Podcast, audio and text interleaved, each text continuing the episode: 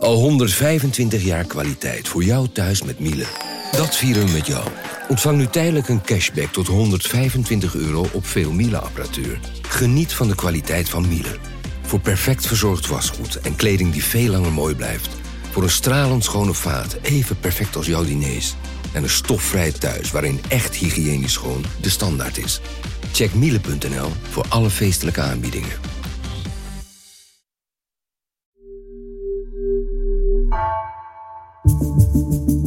Vanaf de redactie van NRC het verhaal van vandaag.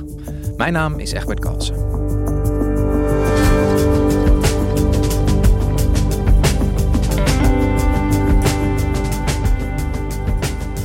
Na de dood van Masha Amini gingen in september tienduizenden Iraniërs de straat op om te protesteren tegen de Islamitische Republiek. Het regime trad keihard op tegen de demonstranten. Midden-Oosten-correspondent Melvin Ingleby sprak met opgepakte Iraniërs en hoorde hun verhalen over politiegeweld en marteling. Zijn hiermee de protesten de kop ingedrukt?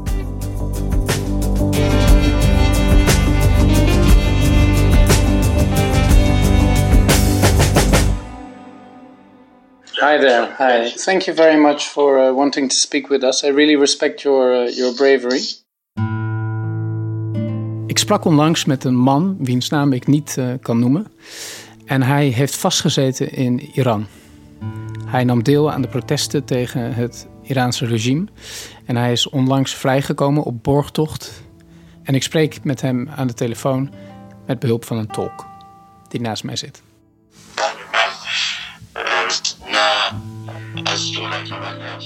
He says, thank you so much again you. En deze man, net als veel andere mensen die ik gesproken heb, zegt dat er in die gevangenissen gemarteld wordt. And I was one of the persons who was uh, tortured because of nothing after the arrestment. Die protesten die begonnen eind september uh, na de dood in gevangenschap van Mahsa Amini. Dat was een 22-jarige Iraans-Koerdische vrouw die werd gearresteerd omdat ze haar hoofddoek niet goed zou hebben gedragen, volgens de zedenpolitie. En vervolgens braken er maandenlang enorme protesten uit door heel het land. Alleen heeft het regime die protesten keihard de kop ingedrukt. Volgens mensenrechtenorganisaties zijn er meer dan 500 demonstranten vermoord, waaronder 70 minderjarigen. Er zijn 20.000 mensen opgepakt en inmiddels zijn al vier betogers opgehangen en nog 100 anderen ter dood veroordeeld. En op dit moment lijkt het relatief stil in Iran, dus vroeg ik me af: betekent dat dat de repressie gewerkt heeft? Slaagt de Islamitische Republiek er echt in om deze protesten de kop in te drukken? En om daarachter te komen ben ik naar geestigen op zoek gegaan naar mensen in Iran die hebben vastgezeten en die daar met mij over wilden praten. En Melvin, ik, uh, ik kan me voorstellen dat dat niet uh, gemakkelijk is om juist die mensen te spreken te krijgen. Hoe ben jij met deze man die we net hoorden in contact gekomen? Ja, dat was een lang proces. Ik ben ruim een week bezig geweest met lijnen uitleggen. Dus ik heb veel uh, Iraanse activisten gesproken. En eigenlijk telkens via hen en vaak zitten er dan meerdere stappen tussen, langzaam doorgedrongen tot de bronnen in Iran. En uiteraard zijn heel veel mensen doodsbang om te spreken. Maar ze vinden het ook heel erg belangrijk. Dus wat we dan vaak doen om hun vertrouwen te winnen, maar ook om hen te beschermen, is dat het contact tussen hen en mij dat verloopt via een ander telefoonnummer, niet via mijn eigen telefoonnummer, maar via het nummer van iemand die zij vertrouwen.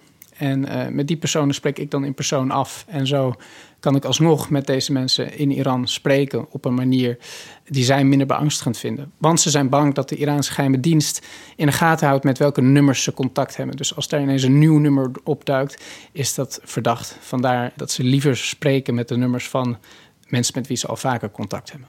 En uiteindelijk ben ik erin geslaagd om vijf Iraniërs te spreken om informatie te krijgen over hoe het er nu aan toe gaat in Iran onder dit regime. Naast de man waar ik net over vertelde, sprak ik met de vriendin van een andere man die vastzat vanwege deelname aan de protesten.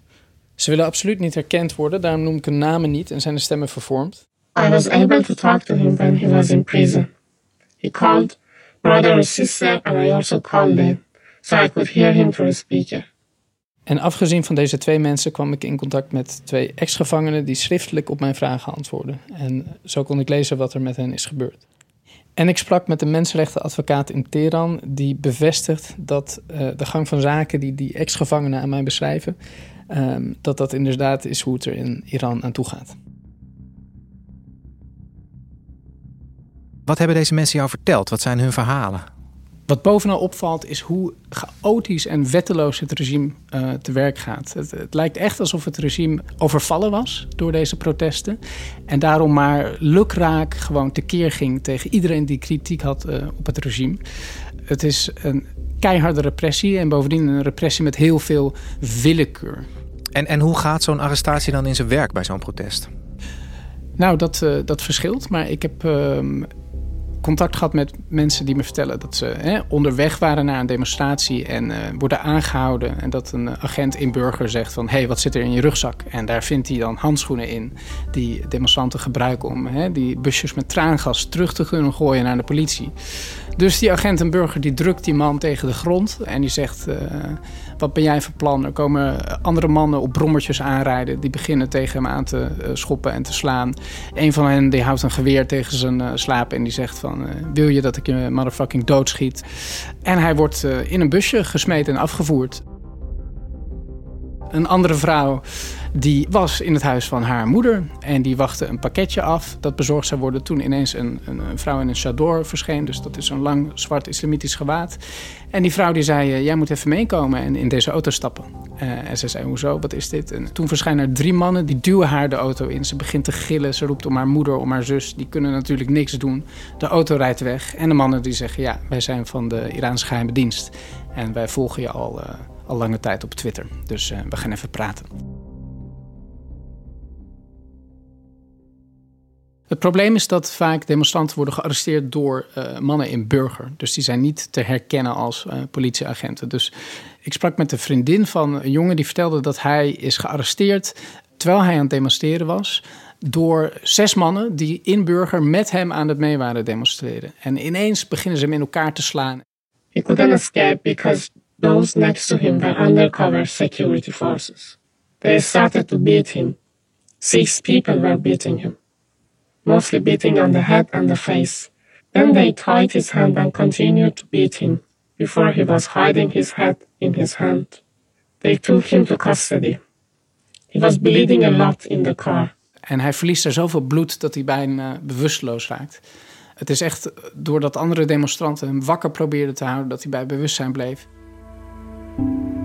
Ja, en dit is dan de manier waarop ze nou, met extreem geweld van straat geplukt worden. Dan worden ze naar zo'n gevangenis gebracht. Hoe, hoe gaat het er daaraan toe? Nou, eigenlijk iedereen met wie ik sprak beschreef een totale chaos, ook in de gevangenissen. Eén jongen die zei dat hij de eerste nacht niet in een cel of een politiekantoor, maar in een enorme sporthal verbleef met honderden anderen. En hij zei, ja, er was echt alles liep er rond. Weet je wel, kindjes van elf, oude mensen van 75 jaar oud. En we sliepen die nacht op de grond en er waren geen faciliteiten. Uh, en ook de cellen zitten overvol. Zo beschrijft die vriendin van een jongen die gearresteerd is dat er nauwelijks ruimte was om te liggen in de cel, omdat er alsmaar nieuwe gevangenen bijkwamen. So many nights they didn't have a place to sleep. They were just sleeping on the floor because new prisoners kept coming in. A lot of people got eye infection due to the bad hygiene in the prison. They were also infected by influenza and COVID. Veel van die mensen die daar zitten, die hebben geen idee waarom ze daar beland zijn. Ze hebben geen aanklacht, ze hebben geen advocaat en ze weten niet wat er gaat gebeuren. In order to have a lawyer, you need to be in judicial system. When you are in custody, you can't. You can meet a lawyer for advice, but officially a lawyer can't do anything because the person is not in the system. This is a thing which has been used by the Iranian authorities to take people in custody for a long time without a lawyer. Drie van de vier mensen waar ik contact mee had, die vertelden me dat zij zelf niet gemarteld zijn, maar dat ze wel hoorden of zagen dat andere gevangenen gemarteld waren. Zo vertelde een man van in de dertig in Teheran me dat hij ter ondervraging werd opgeroepen en dat de man die hem ondervroeg, een, een oude man met een baard en een brilletje, die zei: Let op, want ik kan met je doen wat ik wil. En tegelijkertijd zag hij wat er gebeurde met mensen die niet gehoorzaamden. Die werden meegenomen en die werden gemarteld. Dus deze man die, die besloot maar te gehoorzamen en die heeft een verklaring getekend waarin hij zegt dat de Islamitische Republiek de juiste vorm van bestuur is en dat hij nooit meer zou demonstreren, et cetera. En hij zegt tegen me: Ja, we weten allebei dat we liegen. Maar de waarheid die doet er niet toe in Iran. En één iemand die ik sprak, is wel zelf gemarteld. Dat is die man met wie ik dit gesprek begon. Het is een man van in de 50. En hij zegt dat hij door meer dan tien mensen in elkaar is geslagen met stokken in de cel. The officers bring me to a cell uh, for integration. Uh, 10 to 15 people uh, tortured me, uh, hitting me with fisting and also hitting him my leg and uh, also with the bottoms. En dat celgenoten van hem waren toegetakeld met messen, dat sommigen geëlectrocuteerd waren, vaak in hun schaamstreek. Dus hij sprak echt van, van de meest brute marteltechnieken die op dit moment worden toegepast tegen demonstranten. Uh, we saw people who had uh, who had uh, too much uh, brutally tortured. Especially they had broken broken arms, broken legs. They had tortured with chokers on their genitals, and we we saw that and we, we had the evidence about that. Jemig Melvin, dat zijn echt uh, mensonterende voorbeelden die je noemt. En dat is dus allemaal nog voordat deze mensen echt zeg maar, het, het, het proces ingaan. Want hoe gaat dat dan vervolgens in, in, in de rechtbank? Hoe, hoe, hoe wordt er daar met deze mensen omgegaan? Nou, om dat te weten te komen, sprak ik met Mohammed Hussein Aghazi. Dat is een uh, prominente mensenrechtenadvocaat in Teheran. En ik sprak telefonisch met hem, weer met behulp van een tolk. So thank you, first of all. I'm very, very, no very problem. grateful that you wanted to make some time for us. متشکرم که باشون از شجاعتتون از اینکه برای انسان ها تلاش میکنین تشکر میکنم. And I really am grateful for your bravery in speaking speaking out and speaking with us because it really helps us to do, um, to do our work. En deze Al-Ghazi die, die is al ruim 40 jaar advocaat in Iran en weet dus hoe het Iraanse systeem werkt.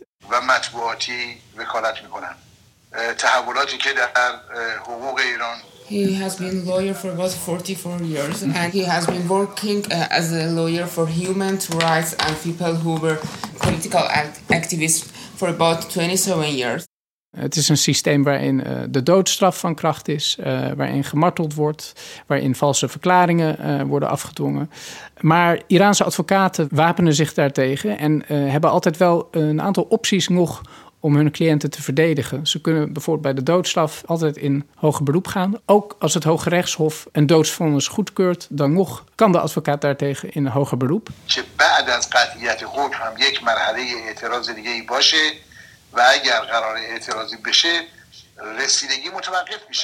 You have time to give your objection to the court. There is nothing happen immediately. You have time for the objection and the procedure takes time. Mm -hmm. Maar dit keer um, gaat het anders, merkte deze advocaat. Ja, eh, anders zeg jij? Hoe, hoe merkt die advocaat dan dat het, dat het nu op een hele andere manier gaat in die rechtszaal? Nou, hij kreeg uh, deze winter een wanhopig telefoontje van de vader van Mohammed Mehdi Karami. He told Mr. Agassi that please help me, please help my son and uh, get him out of there. Het was een 21-jarige jongen, een karatekampioen. En uh, die werd door het regime van beticht dat hij een lid van de ordentroepen zou hebben uh, vermoord tijdens uh, de protesten. Dus die jongen die was opgepakt en hij moest voor de rechter verschijnen en is begin december ter dood veroordeeld. Alleen het probleem is, hij kreeg een advocaat toegewezen uh, door het regime. En die advocaat heeft geen enkele poging gedaan om hem te verdedigen. Hij kreeg zelf minder dan een half uur om zijn verklaring af te leggen om zichzelf te verdedigen. Vervolgens heeft die vader bij de regimeadvocaat gesmeekt van ga nou in hoger beroep, want dat recht heb je.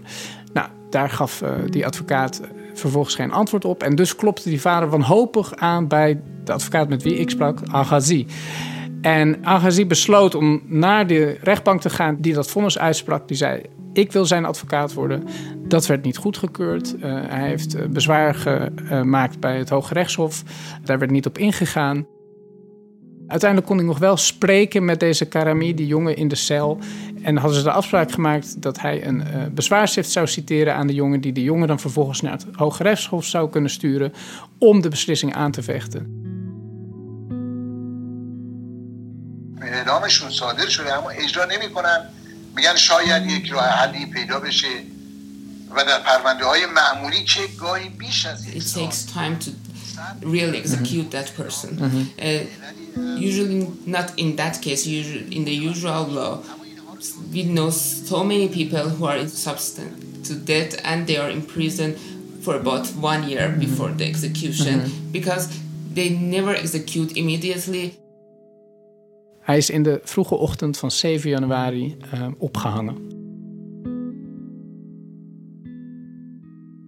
Dat is echt heel snel na zijn arrestatie en dus zonder de normale tussen aanhalingstekens beroepsmogelijkheden. Het, het voelt een beetje alsof het regime alle regels overboord gekieperd heeft. Ja, dat is ook precies wat Agassi tegen mij zei. Hè? Het is bijna, ja, hij weet dat hij in een heel erg eh bruut systeem opereert, maar hij zegt ja, dat systeem heeft wel regels en zelfs die regels worden geschonden.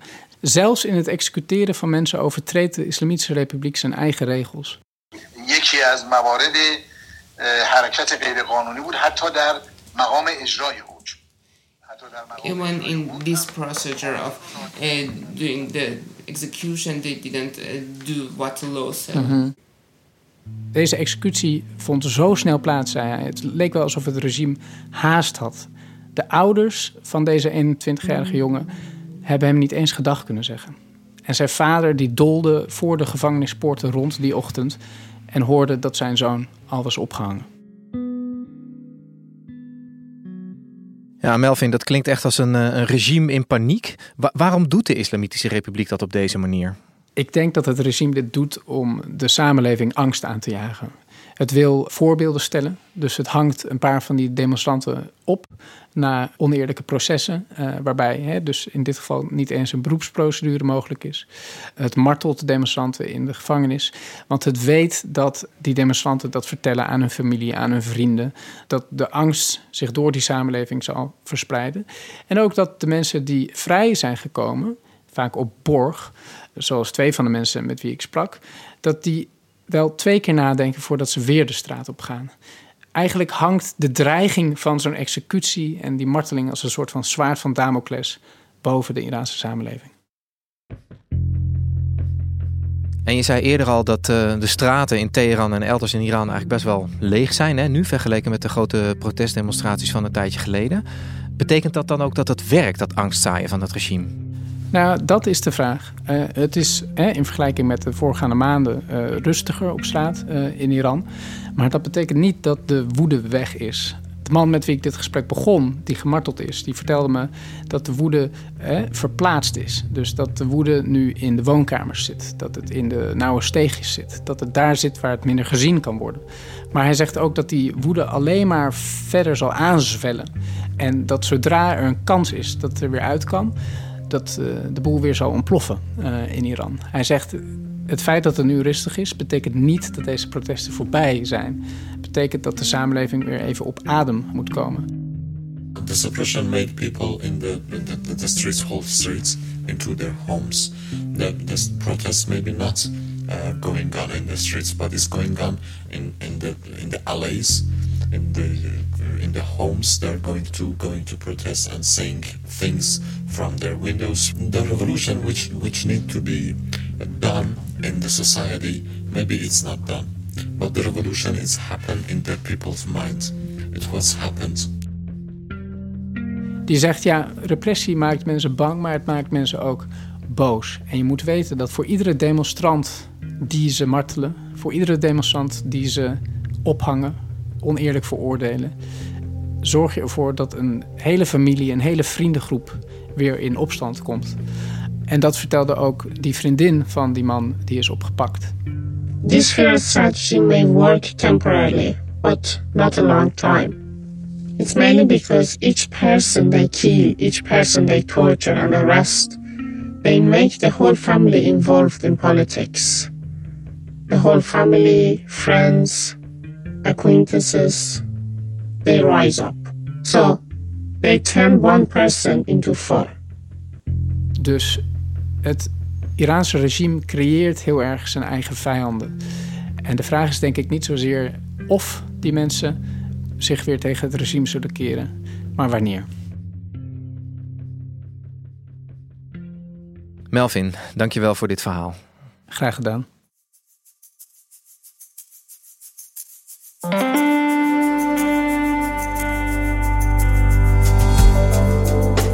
Je luisterde naar vandaag, een podcast van NRC. Eén verhaal, elke dag. Deze aflevering werd gemaakt door Lis Doutsenberg, Iris Verhulsdonk en Jeroen Jaspers. Coördinatie Henk Ruigrok van de Werven. Dit was vandaag, morgen weer.